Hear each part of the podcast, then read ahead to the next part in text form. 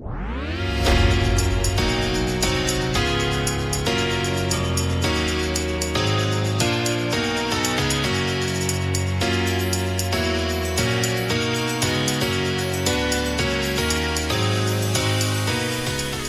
lugna. Det är fortfarande Bladets handbollspodd med mig Johan Flink och dig. Robin Nilsson. Precis. Ni kanske tror att ni har kommit fel för det låter lite annorlunda i början och det kommer ju också låta lite annorlunda under hela podden hoppas vi. För nu ska vi ju ha farbror Barbro i Kristianstad har ju fixat ljudet här. Mm. Förhoppningsvis ja.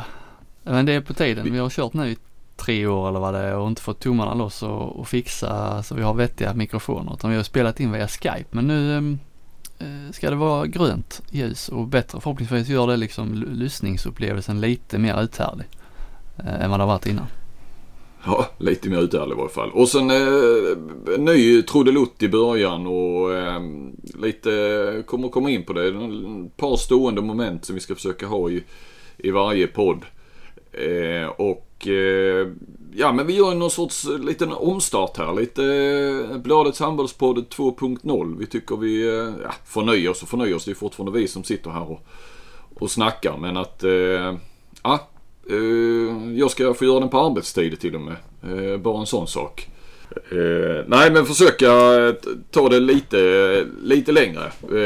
lyssnarna ska få lite mer. Men ni ska vara varmt välkomna till det här avsnittet och den här lilla omstarten.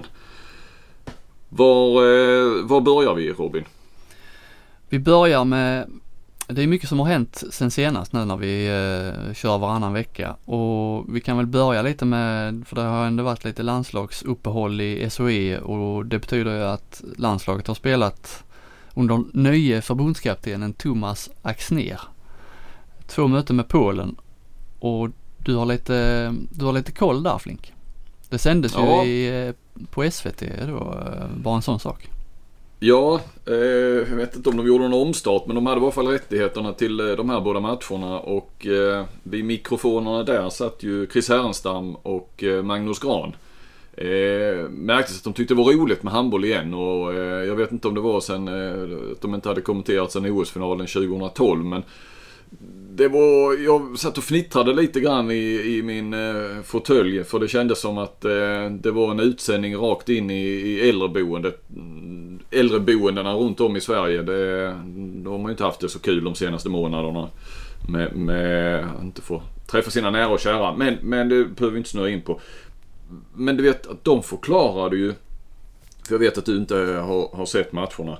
Eh, det bör, jag tror det första var att de förklarade att Härenstam bad eh, Gran förklara det här med gula kort och att eh, det inte är som i fotboll ungefär. Eh, underförstått att eh, det är inte så farligt att få ett gult kort. Och sen fick de ju gå igenom eh, passivitetsregeln, eh, det här med, med max sex passningar. För det har ju nytt sen, eh, sen de senast sände handboll på SVT. Och 7 mot 6, oj oj oj, det var ju också någonting nytt som eh, eh, krävde sin, eh, sin förklaring. Så det var, eh, ja, det var lite gulligt. Det var som om tittarna då inte hade överhuvudtaget tittat på någon handboll.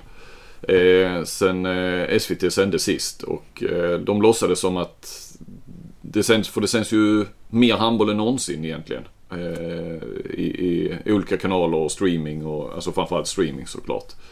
De är nog inte helt snett på det. Där är ju många, det är liksom, eh, förutom då eh, äldreboende och så här, det är, jag tror det är på många ställen, arbetsplatser och ja, även folk som bor hemma där SVT liksom står på alltid, eh, på, på helger då framförallt. Och där man inte tittar på det, man låter SVT stå på och så tittar man på det som är där. Och de får de, det, jag tror det kan vara rätt många som inte har sett handboll sen, sen SVT senast sände. Plus Flink, jag måste mm. nämna det också. De är ju, eh, de är på någonting, de är inne på någonting viktigt här. Gula kort eh, måste de förklara. Varför finns gula kort fortfarande? Alltså den regeln, varför tar man inte bara bort det? Det är full, ja. de, när, när de till och med måste säga det är inte så farligt att få gult kort. Det finns ingen mening överhuvudtaget med det. Nej. Ta bort. 7 mot 6 ja. måste man förklara ingående för att alla ska förstå. Varför är det på det här viset? De är inne på något viktigt där. Gran och Härenstam. Eh, det har du en poäng i och du har också en poäng i att eh, och det vet jag, det har man ju pratat med, till exempel pratat med Per Johansson några gånger, vilken skillnad det är att vara expertkommentator under ett mästerskap i, i TV4 eller då för den sakens skull i SVT kontra att en simor match för de redan eh, frälsta. Man måste lägga sig på helt olika nivåer. Men det här blev, eh, det blev lite för oss som ändå är ganska så insatta i handbollen så som sagt, det blev lite gulligt så när man... Eh, och just... Ja men det jag bara för... Jag har lite känsla av att SVT... De som jobbar på SVT det är... Alltså SVT är allt. Det, det som inte visas på SVT det finns inte nästan. Om vi nu ska eh, vara lite taskiga. Men lite den känslan fick man ju också nu när man mm. lyssnade på, på Härenstam och Gran. Inget eh, ont om dem i övrigt så. Men, eh, ja, det, var, det blev lite speciell nivå på det. Mm. Eh, själva matcherna där då. Ehm, eh, Thomas Axner, eh, kunde man se att det var han som, som var förbundskapten på något sätt? Jag vet inte om han har något kännetecken som tränare eh, direkt men eh, jag vet inte, vad säger du? Nej, det var väl inget så. Det inte, inte i, skulle inte vilja säga i spelet. Nu var jag nere innan eh, matcherna i, i Lund och snackade lite kort med ner och, och, och pratade lite med ett par spelare och så. Och detta var ju verkligen ingenting som syntes under matcherna på det viset. Men jag förstod ju på honom, vilket nog är klassiskt eh, när man är ny förbundskapten. Han har ju väl varit lite för ungdomslandslag och, och så tidigare. Men det är ju lite på, på en annan nivå. Men han berättar ju alltså så oerhört man kommer in med så oerhört stora ambitioner då och ska hinna med så mycket och det förstod jag att han eh, bara efter ett par dagar hade insett att han, han, de kommer inte hinna med allt det han hade tänkt, eller de, det är Johanna Wiberg också. Eh, så för övrigt eh, tog en väldigt passiv roll under timeouterna noterade jag. Eh, det var ju helt Axnér som, som körde sitt race där det kanske, jag vet inte, det så kanske det ska vara. Eller så är det liksom ett tydligt här i början också att, att de kanske kommit överens om det. Jag har inte kollat upp det varför. Det var så väldigt tydligt att Wiberg stod liksom bakom och bara lyssnade. Är det inte så? Men så ska, ska det väl vara huvudtränaren som skäller och gormar lite. Det känns som att det är mer ja. undantagsfall där det liksom är eh, dubbla roller där eller där assisteranden har en större roll där. Det är ju, eh, eller någon av tränarna har en anfallsroll och den andra har försvarsroll. Jag gillar mer när det är ja. tydligt en person som sköter ja. Nej, nej, det är ju inget ovanligt. Var... Nej, så har det väl i och för sig varit. Det var ju framförallt eh, med Staffan och Ola i Hallandslaget så var det ju var det, kändes det som det var en som tog försvar och en annan tog anfall lite grann. Mm. Eh, på ett annat sätt eller att de mer, mer delade upp timeouterna eller sådär. Men, men eh, det har du nog rätt i. Så att, eh, eh men det som... Nej, men vi, om, vi, om vi bara tittar på matcherna. Det blir ju två segrar. En eh, var inte så stor målskillnad var det, minns jag inte. Så här med. Men det var ett eller två mål i första matchen. Eh, sex mål i andra matchen tror jag vann Sverige med. Polen ska ju vara såklart svagare än, än, äh, än Sverige. Eh, det stora utropstecknet var ju Nina Dano, högernia. Eh, som väl gjorde sina första landskamper. Det är alltid sådär kändes ju med debutant och sen så visade det sig att de har spelat någon liksom sån här typ januari-turné landskamp mm. någon gång. Eh, men men eh, jag tror inte det. Nu blir jag lite osäker för det, det var ju par stycken som hade, jag menar Torleifsdotter var väl också debutant men hon var ju med på VM i Japan. Där träffade jag ju henne men då var hon väl inte inskriven i truppen då. Hon blev väl aldrig det kanske men... Ah! Eh, strunt samma. Eh, Nina Dano är ju en eh, härlig spelartyp. Eh, och jag kan inte se annat att hon eh, kommer gå rakt in i EM-truppen som tas ut här nu i slutet på oktober. Mm. Eh, jag tror att hon, eh, hon behövs. Eh, jag ser, han behöver ha två högernior. Hagman tror jag är bara kantspelare idag. Det hade varit skönt Så. med lite tydligare roller där. Att man ja. har Ja men alltså tydligare vänsterhänta, att man har vänsterhänta alternativ. De med högernior. Eh, och så kör Hagman högersex alltid liksom. Mm. Men Dano, är, var hon, är hon liksom, ehm, jag har bara sett några få SHE-matcher eh, med henne. Där har hon ju varit jäkligt bra i sig, det jag har sett. Men eh, är hon liksom, är hon på landslagsnivå? Det är rätt, ofta är det rätt stor skillnad på, man kan ju se spelare som eh, imponerar i klubblag i ligan och sen landslaget så försvinner de helt. Men hon, det var lite tvärtom där eller? Ja, men det tycker jag. Sen, sen var detta ju Polen. Det är ju något annat att möta Frankrike, Norge, Spanien, Ryssland. Eh, det ska vi ju inte glömma. Men, men eh, jag tror att hon, när hon kom in i första matchen, tror jag hon tog skott eh, två av sina första tre bollberöringar. Eh, avslutande. Jag tror inte hon gjorde mål på något av dem om jag inte missminner mig. Men, men, eh, men i andra matchen var det ju desto fler fullträffar. Så att eh, eh nej men det är så här, det är ju liksom fart. Eh, det här är ju ingen lång, liksom det är inte Anna Maria Johansson eh, styket på det så utan eh, och inte lika kanske kraftfull som Blomstrand men eh, Blomstrand är ju lite mer traktor. Mm. Eh, om man nu får använda det uttrycket. Men eh, nej, eh, Dano kommer, jag kan inte tänka mig att hon kommer med till EM. Eh, sen så det som, och det visste vi ju, att vi har ett mittsexpar i, i världsklass. Eh, med Linn Blom och Anna Lagerqvist. Jag menar Linn Blom framförallt både framåt och bakåt. Anna Lagerqvist spelar ju mer bakåt men, men gjorde bra framåt det hon fick också.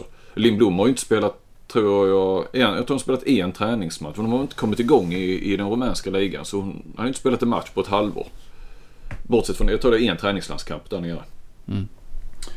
Eh, så där har vi ju det välbeställt. Och sen börjar det ju bli, det ska bli riktigt intressant vilka målvakter Axnér kommer att välja vilka två då? Han lär ju åka med tre till, eh, till EM. Eh, eh, man tror också att man kommer få vara lite fler i truppen med tanke på Corona. Eh, kanske till och med uppåt 20 stycken på, på plats. Vad är alternativen där? Ja men där har vi ju, nu är ju Bunsen tillbaka. Eh, efter att ha blivit mamma. Och sen har du Filippa Idén och sen Jessica Ryde som gjorde bra framförallt i första matchen. Och eh, ah, kanske totalt sett var den bästa av målvakterna. Och sen har vi då Evelina Eriksson eh, i Kristiansand eh, som har fått jättemycket förtroende där. Eh, kom från Skuru. Värvas som tredje målvakt till det här eh, norska storlaget med, med Heidi Löke och, och, och eh, Nora Mörk och Katrine Lunde i mål då. Men det har ju varit lite skador på deras eh, målvakter där så hon har fått mycket förtroende och gjort det eh, jäkligt bra både i Champions League-inledningen och i ligan. Kom med i omgångens lag i, i norska ligan till exempel. Eller månadens lag tror jag till och med var. Eh, men hon kunde inte vara med nu på grund av norska eh, coronaregler, karantänregler och så. Eh, så hon finns ju också med där. Så att de är ju, det är väl de fyra då som som slåss om tre platser till att börja med och sen två där. Så att eh, frågan är ju då om Axnér direkt vågar så att säga splittra det här paret eh, idén Bunsen och eh, jag tror ju att Bunsen går före i så fall. Eh, idén. Ja, jag tänkte på... skulle just fråga vem går då först i så fall? De är ju på mästerskap och så så uh, det känns som man har suttit här varje gång och, och sagt att ja det, liksom det saknas det här lilla extra på målvaktssidan. Men sen är det svårare att peka ut vem skulle man i så fall peta av dem för att eh, ibland är den ena bra och ibland är den andra bra och, så. Jag hade haft svårt att bara så på rak arm säga ja men eh, den, den ska bort i så fall. Men det, du, du tror Bonsen går före trots att hon har varit borta då? Ja, och idén gjorde det bra som, som då när hon blev mer eller mindre ensam senast i VM. Det var absolut en bra insats men jag tror att Bunsen, eller tycker också att hon, att Bunsen har en högre högsta nivå. Kan spika igen på ett annat sätt. Eh, men eh, ja, nej, men det, det ju intressant där. Sen saknades ju Melissa Petrén då. Med, hon har väl någon fingerskada, är borta några veckor men ska väl inte vara någon fara till, till EM. Eh, där vet jag att det är en spelare. Hon har gått jäkligt bra i danska ligan. Jessica Ryde också, på tal om danska ligan, toppar ju eh, målvaktsligan i Danmark. Och de har ändå hunnit spela en del matcher. Eh, de startar ju tidigare än, än den svenska och eh, då Härning, Ikast, vad de nu, ja de heter väl båda. Eh, har ju gått ganska bra också. Mm. Också lite grann så som talar för. Medan idén då är också i, i, nere i Bajamar är det väl i Rumänien och har inte kommit igång med ligan heller ännu. Så att, men Petrén eh, vet jag att eh, Axner eh, tror mycket på. Eh, och också gjort det väldigt bra i danska ligan. Hur har vi det Så på, på ehm, eh, de här gamla beprövade korten? Eh, Guldén och jag menar Robert till exempel. Nu är Robert precis tillbaka men eh, Guldén eh, var ju med nu. Ja, gjorde inte några av sina bättre landskamper kan man väl säga. Eh, mållös gick hon från den första landskampen och det undrar jag när det hände senast. Det har säkert hänt någon gång i början för landslagskarriären men att inte Gullén gör ett enda mål och spelar ändå Visst, eh, hon, det, de gick ju runt rätt så mycket va? men hon spelade väl ändå en tredjedel eh, av matchen eller kanske till och med hälften. Eh, så tror jag hon gjorde något bara. Kan det till och med varit bara ett straffmål i, i andra matchen? Jag minns inte riktigt. Mm. Eh, klart Guldén är, är med i EM-truppen men än så länge är hon ju inte, även om då eh, den det här coronapausen som hon själv säger har gjort henne gott. Foten känns bättre än på länge. Även om det inte är hundraprocentig. Hon har haft problem med den i ett par år nu. Så, alltså. Hon är ju inte där, där hon har varit och frågan är om hon någonsin kommer tillbaka på den. Det var ju en helt otrolig nivå hon höll i, i vissa mästerskap och vi minns ju Champions League eh, där när de, när de vann med Bukarest och hennes final där. Och, eh, där är, där är hon ju inte och, och frågan är om hon, vi ska nog inte tro att hon kommer tillbaka på den nivån. Som, som, då var hon ju en av världens kanske tre, tre fyra bästa spelare. Så lite eh, Ja, vad, eh, just nu saknas kanske eh, den här, vad ska man säga, X-faktorn eh, i, i det här landslaget. Den här som kan göra som är lite på en högre nivå, som är världsklass, som eh, kan göra en eh, 5-6 lätta mål. Den spelaren saknas ju nu. Därför, det är väl en, en hyfsad bredd och det kommer lite yngre men och så va. Thorleifsdotter tror jag också kommer medan Johanna Westberg så lite otajmad ut och har ju inte mycket förtroende bakåt heller och spelar ju mest framåt. Medan Thorleifsdotter fick spela en hel del både framåt och bakåt. Mm. Emma Rask på vänsterkanten eh, är ju ny där. Det är ju, det är ju lite kris på, på vänstersexorna. Alla de som har varit med i mästerskapen de senaste åren är borta nu. Och eh, gjorde det helt okej. Okay. Jamina Roberts kommer ju säkert att, att figurera i Eh, här nu. Är ju aktuell ska jag säga för, för EM-truppen så får vi se om hon om han väljer att ta med henne. Det finns ju som sagt en, en hel del eh, vänsternio och vänster mittnio. Eh, och Emma Lindqvist också. Som inte var med nu som också är eh, såklart högaktuell för EM-truppen. Det... Men eh, i övrigt så, så det var ju lite otajmat som de eh, också eh, fruktade att det skulle se ut i anfallsspelet. Försvarsspelet eh, var ju bättre än anfallsspelet. Eh, där är det väl lättare man, man går tillbaka till sina, till sina grunder och så va. Eh, inte lika, riktigt lika beroende av timing. Eh, saknas ju en hel del i kontringsspelet. Framförallt i första matchen där de ändå trots ett bra försvarsspel och bitvis ett riktigt bra målvaktsspel så fick de inte eh, någon större belöning i, i enkla kontringsmål. Men det här frågetecken och så. Eh, det känns ju som att nu var det ju frågetecken om, om det ens skulle bli något EM länge. Det känns som många länder kommer att ha samma problem som Sverige. Det kan ju bli kanske ett, ett sämre mästerskap kvalitetsmässigt också med tanke på hela mm. våren och sommaren och nu början på hösten alla, eh, allt vad det innebär med coronarestriktioner och det är ju många som inte har spelat matcher på hur länge som helst. Ja, ja absolut. Så det Nej, borde det ju vara lika för alla. Ja, eh, och sen kan vi ju, får inte snacka om, om här VM och det kom, lär vi återkomma till senare i höst och det med Final Four i, i mellandagarna och EM-kval precis före VM och det är ju liksom ett galet program där. Eh, med otroligt mycket matcher och viktiga matcher tätt in på mästerskapet. Och det är ett OS-år då om vi utgår då från att OS, och det säger ju IOK, OS ska avgöras. Eller hållas.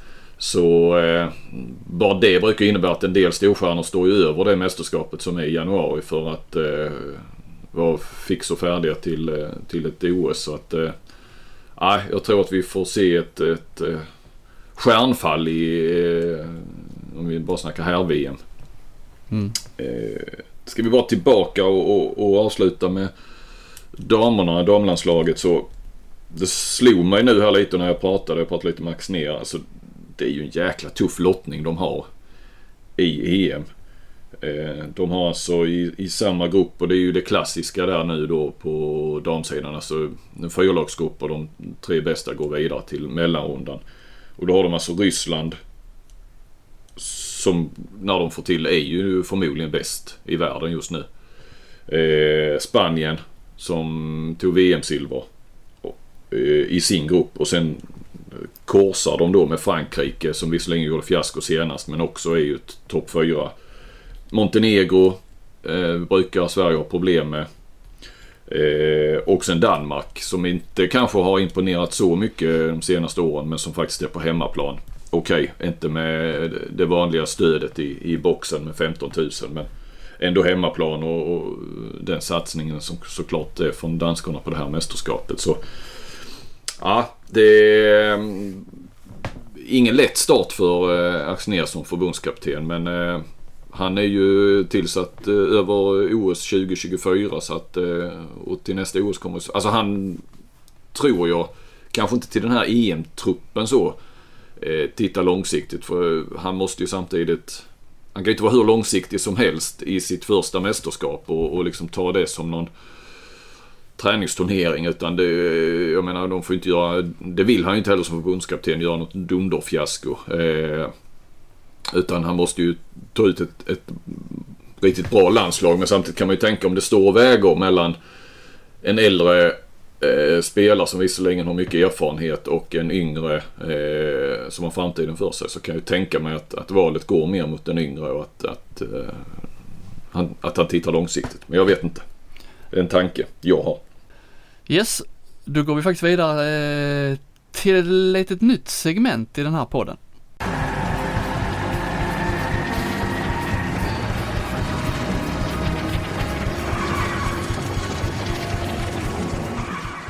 En topp 5-lista eh, som kan innehålla eh, i stort sett vad som helst men det ska ju vara handbollsrelaterat såklart. Eh, och eh, den här gången är det jag som står för topp 5 och vi var lite grann inne på VM. Eh, det kom ju upp nu här vilka som söker EM 2026 eh, och 2028. Sverige på, på här sidan var det väl va? Sverige är med eh, ja, är sugen på båda och, och sådär. Det var ju väldigt mycket eh, de gamla vanliga. Eh, Norge, Danmark och Frankrike och, och, och Balkan och, och sådär. Och eh, jag har ju varit inne på det förr och det är ju rent liksom väldigt egoistiskt tänkt men det känns, det är ju alltid kul att komma till Eh, ja, lite mer spännande länder. Man har, det var ju en, någon period där man kände som vi var i Serbien eh, två, tre år i rad och eh, varit väldigt mycket Danmark, eh, Norge, Tyskland de senaste åren.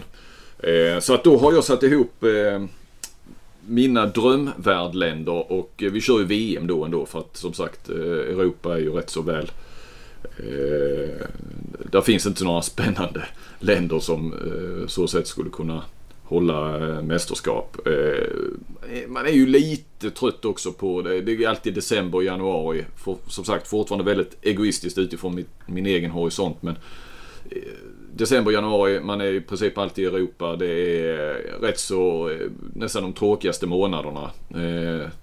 Bland de bästa så i Europa var ju EM 2010 uppe i Norge med kallt. Vi var i Lillehammer. Kallt och massa snö och så. Det, det var ju lite kul. Mm. Eh, landslaget åkte ju pulka där i berömda tv-bilder. eh, när de var, var inför semifinal eller vad det var. Eller något. Men eh, eh, så därför tittar man ju lite kanske så också. Eh, klimat sådär, vad kan vara bra. Och så får det ju ändå vara lite koppling till, eh, till handboll. Men det, det, här är ju lite, det är ju lite vision och lite dröm. Eh, ska jag gå nerifrån då. Eh, nu blir det ju lite exotiska handbollsländer här. Men eh, Kuba Eh, har jag på plats 5. Eh, de är ju trots allt med i, i, i mästerskapen. Eh, senast var de med på damsidan. Aldrig varit på Kuba heller. Det hade ju varit onekligen kul. sen arrangemanget kanske skulle lämna lite övrigt att önska. Det skulle väl även ett VM på damsidan tänker jag då i Angola. Eh, men det hade ju också varit lite eh, mm. på fjärde plats har jag dem. Eh, och sen tänker jag på att eh, president Hassan eh, Mustafa eh, kanske skulle eh, jag vet att jag tror inte att det är en man som lider så mycket av dåligt samvete men, men den gången jag tänkte att han slängde ut Australien från VM eh, och gav platsen till Tyskland. Eh, att, att han eh, skulle gottgöra australiensarna genom att lägga ett VM i Australien i, i december eller januari hade ju inte varit helt fel. Nej, det är sant det du säger. Han lider nog inte av dåligt samvete. Nej, nej. Eh, på andra plats Argentina. Eh, mm. Väl efter, alltså Brasilien eh, var ju bra och eh, hyfsade både på dam och herrsidan. Inte minst inför sitt OS där väl. Har väl, känns som de har tappat lite. Annars är ju ändå Argentina på herrsidan i varje fall. Eh, ja men sådär, man vet aldrig riktigt. Eh, det, är ingen, det är ingen riktig blåbärsnation. Eh, Argentina tycker jag är en rätt spännande handbollsnation. Ja, ja. Eh, så jag vet inte riktigt om de är idag är bättre än Brasilien på, på här sidan. Det låter det vara osagt. Men eh, aldrig varit i Argentina. Man skulle passat på kanske gjort lite eh, fotboll när man ändå var där och så. Så att eh, den lockar ju. Men på första plats har jag faktiskt USA. Eh, du kunde inte låta bli det? Nej, det är bra. Nej, jag kunde inte det. Jag, jag, jag, jag har ju knappt varit i USA. Eh, jag har varit på västkusten och sådär. Eh, Los Angeles, San Francisco för ett par år sedan på semester. Men i jobbet. Jag har aldrig jobbat i USA faktiskt. Alltså det, har, det har inte varit mina idrotter riktigt eh, så sett. Det har inte varit något fotbollsmästerskap där under min tid. I varje fall när jag har följt landslag och så. Ehm, om man tänker sådär. Det var, IOF vill ju ha igång eh, handbollen i USA. Eh, det var ju lite så Fifa tänkte VM 94. De skulle försöka få igång det. Det blev en otrolig succé. Alltså inte bara för Sverige. Utan eh, också fullt på läktarna och de kan ju det där ändå amerikanerna. Alltså även om de inte begriper handboll skulle de nog fylla hallarna ändå. För att de är, det är lite som tyskar också. De kan ju desto mer idrott va. Men, men eh, är det evenemang så uh, då samlas man. Då, då kommer uh, folket. Så det hade ju inte varit helt fel att, att flackat runt lite i, i USA på, på ett handbolls-VM. Nej. Så där har du mina topp 5 på drömländer för eh, VM. Ja, jag, jag gillar ju USA där. Problemet är ju de måste väl ha innan de på allvar ska bli aktuella för ett mästerskap eller kanske ens vilja ha ett mästerskap. De måste väl bli lite bättre först. Ja men du vet, ja jo men är, som värdland får du ju en direktplats och de är väl beredda. IOF är ju känslan av att eh, kvotera in dem, ge dem wildcard och sådana här saker. Och de har väl ändrat, ändrar de inte kvalsystemet också så att det skulle blir lättare. Blir lättare för, för USA eh, att ta sig in. Jo, eh, och sen, ja, sen är det ju varje, varje gång, är det något land som har, eller något sånt där lite mindre land som får ett mästerskap så brukar det ju alltid, då blir det ju en satsning på handboll åren före där. Eh, likadant när det är mm. OS, då ska ju Kina och de här Japan, då ska de helt plötsligt, då ska de vinna, vinna allt. Så att det är ju alltid, blir får de ett VM som är fyra, fem år framåt tiden så kanske det kan ge den här en extra skjuts i själva satsningen också. Att, eh, att de tar det lite mer på allvar och kanske blir, hinner bli eh, lite hyfsade innan mästerskapet börjar. Ja, jag tror det är, vad är vi nu? Vad, vad sökte Sverige? Var det 26 och 28 de mästerskapen handlar om? I, EM där ja. Så ja. Vi, Men ge det, ge det riktigt. 10-12 år till så kanske vi har ett mästerskap i USA. 2028 är det väl eh, OS i vårt USA va? Eh, är det inte Los Angeles som har det tror jag. Ja. Där kommer ju då USA vara med handboll. Så att eh, 2029 där någonstans kanske ett VM. VM i USA. Mm.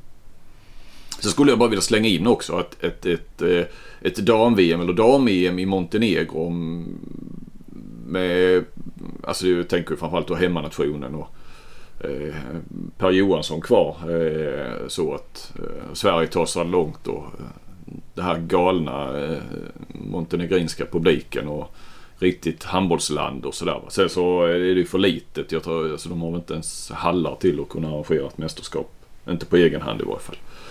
Eh, Ryssland har jag ju aldrig varit i på, på ett handbollsmästerskap och de, på här sidan är de ju förlorade nästan känns det ju som. Men, men eh, intresset för handboll är ju inte detsamma i Ryssland längre som det var förr. Men eh, på damsidan är de ju stora. Det hade väl också varit, eh, alltså om du kunde förlagt ett dam-VM där det finns ett stort intresse.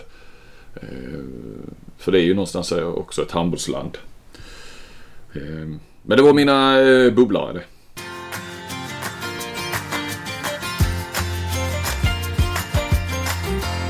Yes Flink, eh, ska vi prata lite om eh, coronarelaterade saker?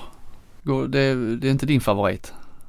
Nej, nej, men eh, det, det, det, måste göras. Det måste göras.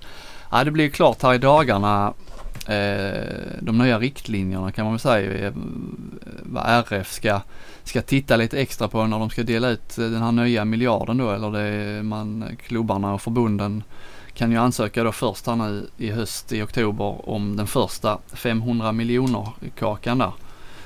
Och då kom ju ja, regeringen är det väl framförallt och så RF har fyllt på med lite riktlinjer vad som gäller där och då det har ju pratats mycket om det här att eh, ja, det har ju blivit lite liv när fotbollsklubbar, framförallt då hockeyklubbar med SHL-klubbar, eh, har fått, som har ju fått en stor del av den första kakan där som, eh, som delades ut i, i somras. Eh, att de klubbarna eh, har värvat spelare eh, fram och tillbaka och ja, hur de än, eh, hur de än syr in det liksom, eller hur de än förklarar att de värvar spelare så, så är det ju stödpengar som på ett eller annat sätt går in till spelarvärvningar. Och det har ju varit lite liv om det från, eh, från regeringshåll framförallt. Och nu ska man ju då, har man sagt, titta lite extra. De till och med nämner där, ska hålla ett extra öga på, på hockeyn och fotbollen. Som då eh, framförallt har varit bovarna där. Och det tänker jag, det borde ju öppna för att handbollen ska få en lite större kaka den här gången. De var ju rätt eh, de kändes inte särskilt hoppfulla för någon månad sedan när, de, när det här nya stödet kom på tal. Så bara, ja, hur mycket kan vi få? De eh, fotbollsklubbarna åt ju upp så mycket förra gången och, och då hade flera säsongen inte ens börjat allsvenskan när, eh, när det stödet eh, kom på tal och nu har de kört en hel säsong utan publik.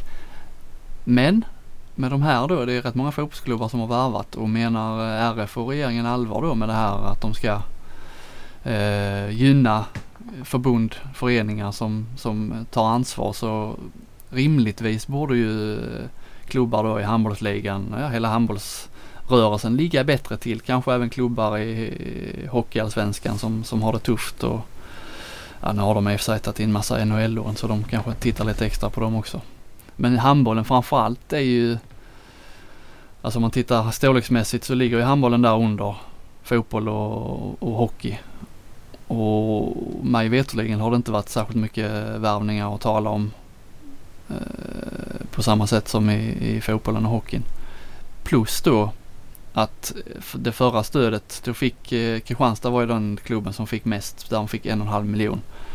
Och då hade inte säsongerna dragit igång utan då var det gällde ju det stödet man fick då var ju bara för eh, någon av de sista omgångarna där i ligan som man spelar utan publik. Plus då eh, eventuellt slutspel eller kval. Men där kan man ju bara räkna in två kvartsfinaler. Eh, eftersom man inte, man kan inte räkna in semifinaler och finaler om man inte vet om man tar sig dit.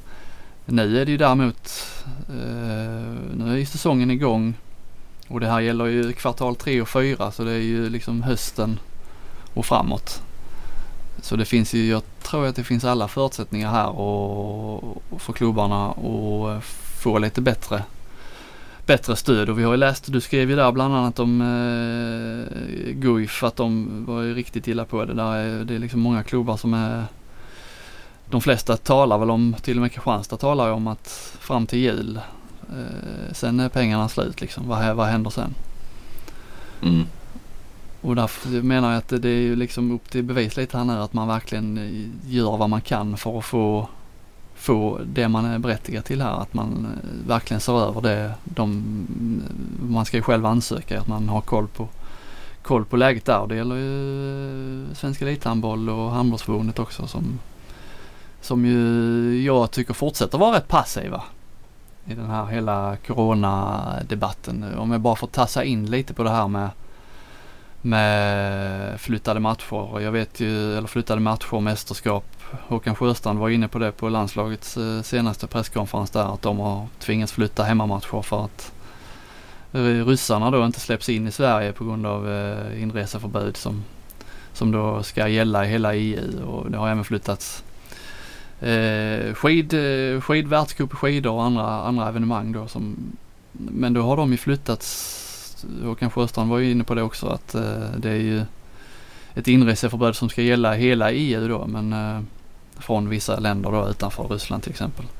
Men det de har flyttats, om man tittar på skidor och andra, andra grejer så har det ju flyttats till andra EU-länder så att det, känns som ett rätt luddigt system där, där Sverige inte kan ta emot idrottslag, idrottsdeltagare på grund av EU-regler men sen flyttas mästerskap och, och tävlingar till andra EU-länder istället. Jag får inte, jag får inte riktigt ihop eh, den grejen där. Och nu såg vi ju där med Lugis damer som tvingades lämna VO till European League. Krasnodar var det va, eller vad var det? Ja, ja. ja. Och så kommer det ju fortsätta bli om man, Sverige landslag har tvingats flytta någon match och vi har ju Alingsås i European League som möter ju Moskva. Nu har de hemmamatchen där inte förrän i februari så vi får väl se hur det är då men eh, det kan ju påverka eh, även klubblagen så i, i handbollsligan och SHE. Men jag vet jag, får, jag bara blir lite så matt. Jag får uppfattningen att det är ingen riktigt inom handbollen som berörs sig utan man bara ja, ja vi får flytta den och så är det inte mer med det. Man borde, varför, varför ifrågasätter man inte det här eh, högre upp? Varför ryter man inte ifrån? Varför, varför, skri, varför, varför händer ingenting? Varför säger man ingenting? Varför accepterar man bara allting utan och eh, minsta lilla eh, ifrågasättande? Det har jag lite svårt att förstå. Mm, mm. Särskilt då nu när det under torsdagen här bara här idag kom besked om att eh, 50-gränsen ligger kvar på obestämd tid och det blir inga, inte fler personer på läktaren alltså. Ehm, ja visst, smittspridningen den eh, ökar ju uppenbarligen, det går inte att säga någonting om och, och det är ju, det är inte bra liksom. Ehm, samtidigt då, det tycks onekligen vara så att det är Eh, idrottens fel då eftersom allting annat i samhället rullar på eh, i stort sett som vanligt. Så länge då man eh, följer begränsningarna och håller, och håller avstånd. Där kan jag ju tycka att där får inte idrotten, och de har inte fått sen i mars egentligen, någon chans att ta samma ansvar då och visa att det går att hålla avstånd även om, även om det skulle pågå live-idrott framför ögonen. Det, det tycker jag ju, ja jag tycker det är märkligt.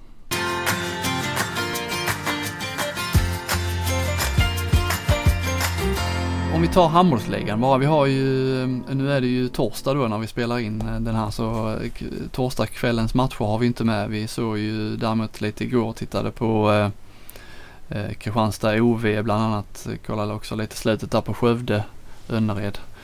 Eh, där vi har, bara igår var det då Önnered besegrade Skövde. Eh, märkligt eh, såg man inte riktigt komma. Skövde som, som har gått eh, riktigt bra inledningen av säsongen. Kristianstad också eh, obesegrade inledningen av säsongen var ju riktigt illa ute mot OV. Eh, mm. Vann ju med sista sekunden mål där som, som eh, det var lite synpunkter på målet så men eh, hade lite tur kan man säga med domslut. Eh, stegfel kanske, felaktigt avkast kanske. Eh, men det har ju varit generellt sett har det varit flera uppseendeväckande resultat. Man har OV Helsingborg varit inblandade mycket. De har imponerat, slått Ystad med 14 bollar och fallit ihop lite i andra matcher. Generellt sett känns det som att det har varit eh, lite coronaresultat. Om man tittar på Premier League, fotbolls Premier League så, så är det ju helt galna resultat. Jag får lite samma känsla i, i handbollsligan faktiskt, att man inte riktigt vet Eh, ja, som man, det har inte riktigt satt sig. Man kan inte tydligt säga att eh, här kommer det bli seger. Utan det finns en, en liten viss eh, osäkerhet i, i de flesta matcher. Ja, min kollega Laul där som, om man lyssnar på Allsvenska podden, han, han kör hela tiden med det att eh, det här är Corona-Allsvenskan eh, 2020. Det går inte att, att förutspå någonting. Alltså han har ju nästan gett upp då som expert och, och eh, med sina tips och, och gissningar och spådomar för att eh, ja, det, allting är eh, vänt upp och ner och det är lite samma känsla så här långt eh, i, i handbollsligan också, precis som du är inne på.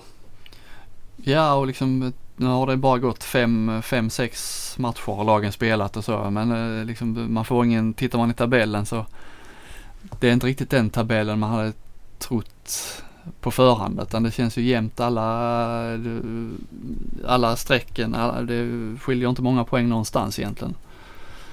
Eh, Nej och det är ju, det är ju, det är ju kul på sitt sätt. Eh, så va. Alltså vi har ju lag som eh, Malmö som har tagit fyra poäng på fem matcher. Mm. IFK Ystad som många, inklusive undertecknad, tippar som slutspelslag. De har alltså spelat sex matcher och bara tagit tre poäng. Mm. Förlorade igår då mot, eh, mot Varberg. Eh, som tog sin första seger och, och eh, ja. Nej, väl, Ystad IF är väl eh, så. Eh, som har Helt okej, okay, men de har ju också haft, också varit upp och ner. Och Skövde där ju och, och ja, det är väldigt, och Guif också som, ja. ja de har, ja, har ju gått bättre totalt sett än vad man trodde.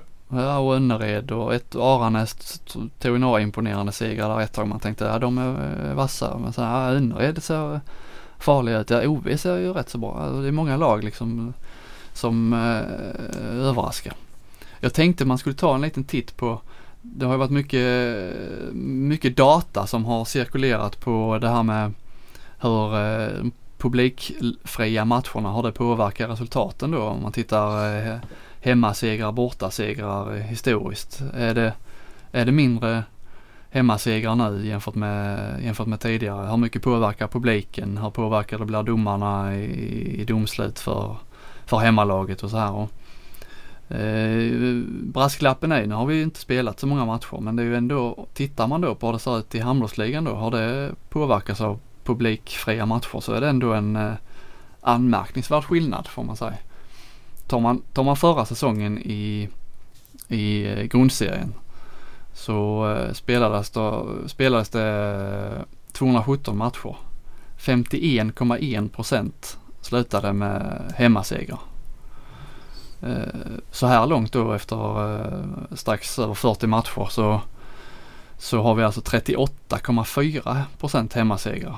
Istället då 53,8 procent bortasegrar. Så pendeln har ju liksom vänt helt och hållet där kan man säga. Det som eh, tidigare var en liten favör att spela hemma att det blev lite strax över 50% hemmasegrar. Nu strax över 50% bortasegrar. Mm. Ändå inte fler hemmasegrar än 51%. Eh, har du hur många bortasegrar det var för? Alltså förra säsongen? 42,8. Ja, och så några få oavgjorda. Jag tyckte ändå att det var anmärkningsvärt få hemmasegrar även en normal säsong. Mm. Man kan ju tro att det skulle vara 60-40 eller så. Ja och just, ja särskilt kanske eftersom det, det inte slutar oavgjort så mycket i handboll som det gör i, i fotboll till exempel. Nej. Där är det ju ännu mindre hemmasegrar men det är för att fler matcher slutar oavgjort. Uh, men ändå 51 procent, nu, är det, nu är det 38 så det är rätt stor skillnad ändå. Mm. Verkligen. Eh, jag ty tycker det är lite intressant och jag, jag tror ju att eh, mycket av, eller flera av de här resultaten vi har eller eh, den tabellen vi har nu påverkas rätt eh, till stor del av att eh, vi har eh, coronasäsong här med öde arenor och det är liksom ingen skillnad att spela hemma eller borta. Båda lagen går in med samma, för, samma förutsättningar. Och jag ska inte påstå att jag har analyserat domarnas beslut i någon större grad än. Eh, svårt att bedöma men, men det kommer, det kommer. Det kommer. Ja.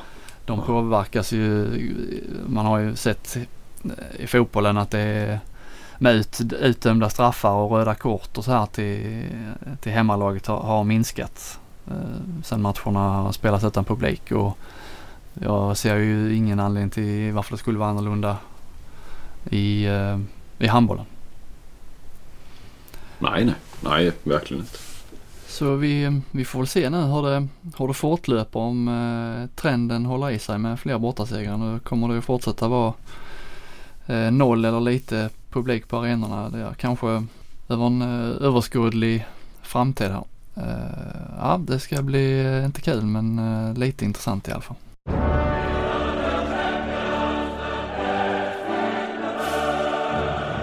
Där har vi en ny programpunkt. Eh, internationella svepet har vi kallat det. Eh, som en liten hommage till eh, Janne Lorentzon i gamla Sportnytt. Eh, medarbetaren som brukade köra det. Fast då var det ju fotboll.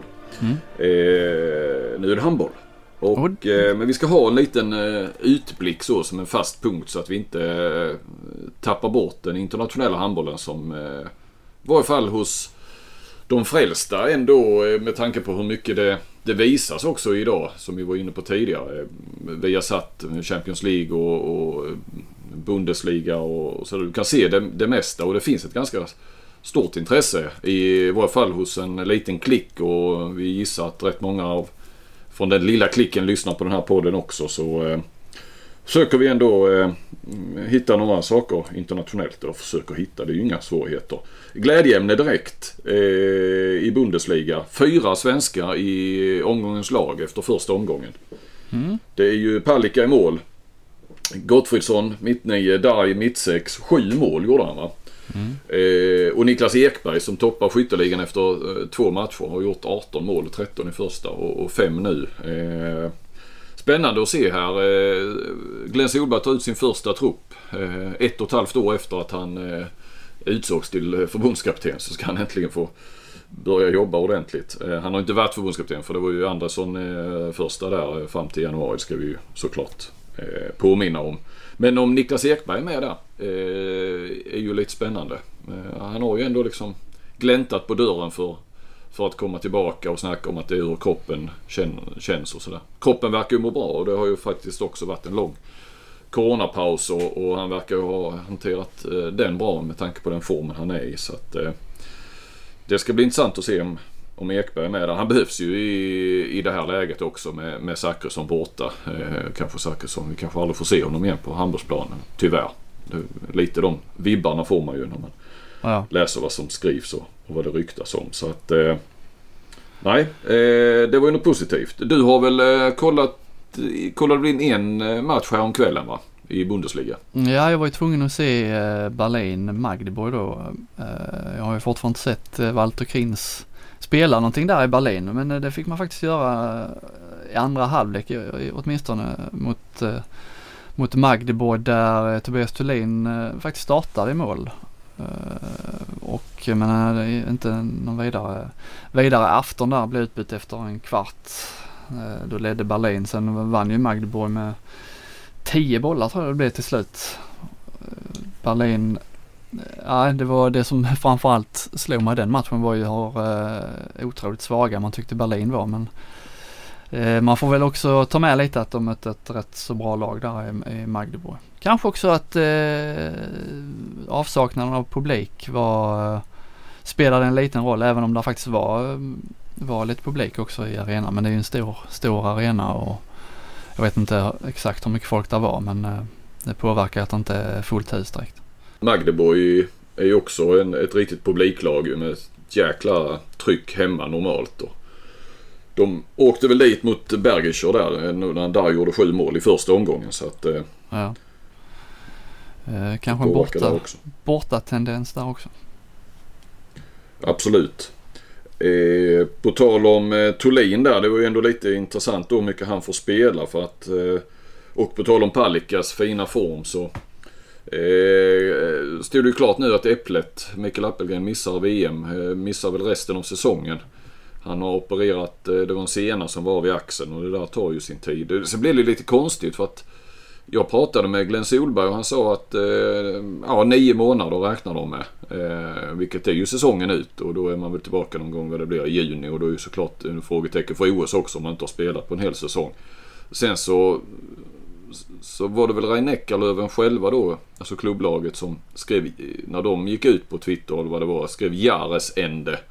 Och det är ju slutet av året. Eh, vilket sen fångades upp så Handbollskanalen och även TT skrev att Appelgren skulle vara borta till årsskiftet. Och det är ju... Ja. Skulle han vara det så är ju egentligen inte VM borträknat. Men det vet jag att eh, han är ju borträknad från VM. Och jag litar på att Glenn Solberg har rätt. För han borde ju vara insatt i, i det. Så att... Eh, Det var kanske slarvigt uttryckt av eh, Reineckerlöven att skriva Jarasend om de menade säsongsände. Slutet av säsongen istället. Jag, men... tror med det så ibland är man själv, eh, vet jag när man skriver eh, om man skriver i fjol så menar man egentligen förra säsongen fast det är fortfarande samma år. Om man skriver eh, ja, nästa år så menar man nästa säsong. Så det måste ju vara så de har tänkt. Ja, ja precis va. Men det blir ju lite konstigt i, i, i, i, den svenska rapporteringen i varje fall.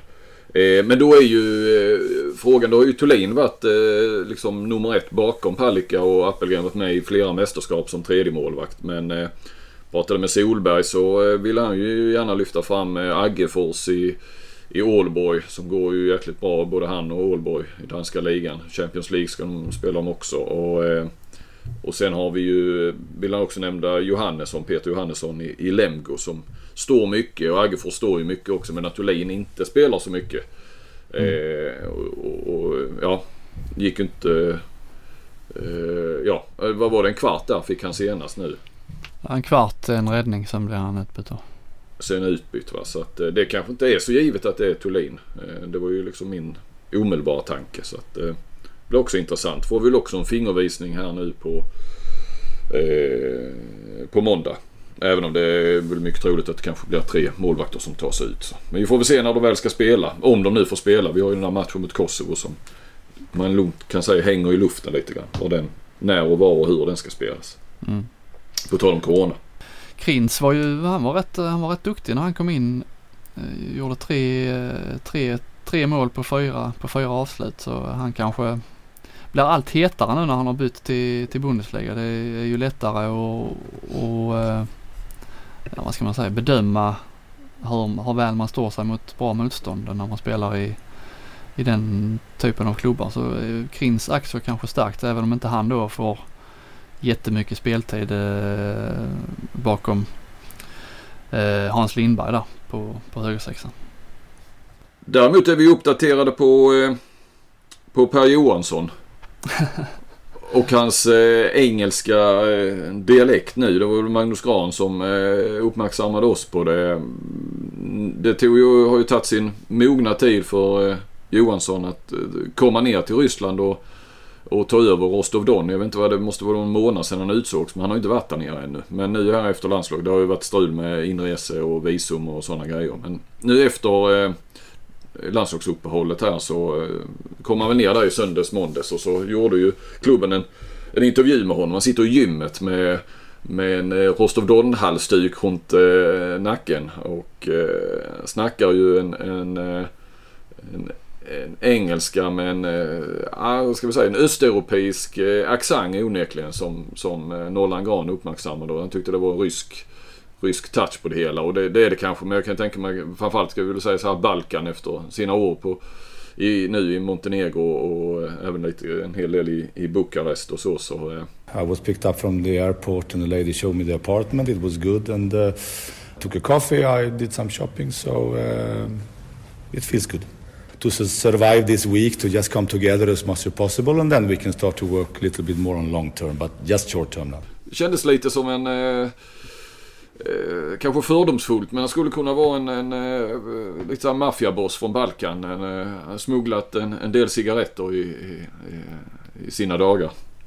Han, han känns allt längre från eh, den där eh, svenskskolade typiska ledaren som man tyckte han var ett tag i Alingsås. Numera är han eh, Balkan all the way. Ja, ja. Ja internationellt snitt, passar internationella svepet eh, Johansson där. han lär väl dyka upp fler gånger. Ja, det kan vi nog lita på. Eh, Flink, nu ska, vet jag att du ska springa iväg och prata med U21-landslaget va? i fotboll. Jag ska cykla ner till Harlyckan här för att eh, jag ska ha en grej jag måste kolla med deras eh, förbundskapten. Det låter eh, fotbollsromantiskt det. Jag ska cykla ner till Harlyckan. Ja. ja härlig mening. Ja. Men vi, eh, eh vi eh, är väl nöjda där och tackar för den här gången då. Nystarten kan man väl kalla det då ja. Och, ja vi kör på igen som vanligt då. Syns och hörs igen om, om två veckor. Ja men det gör vi. Jag hoppas ni uppskattade nystarten. Eh, vi gör det i alla fall. Vi är, vi är på gång, vi är laddade, vi är tända som Thomas Ledin sjöng. ja. Tack för idag. Tack, hej.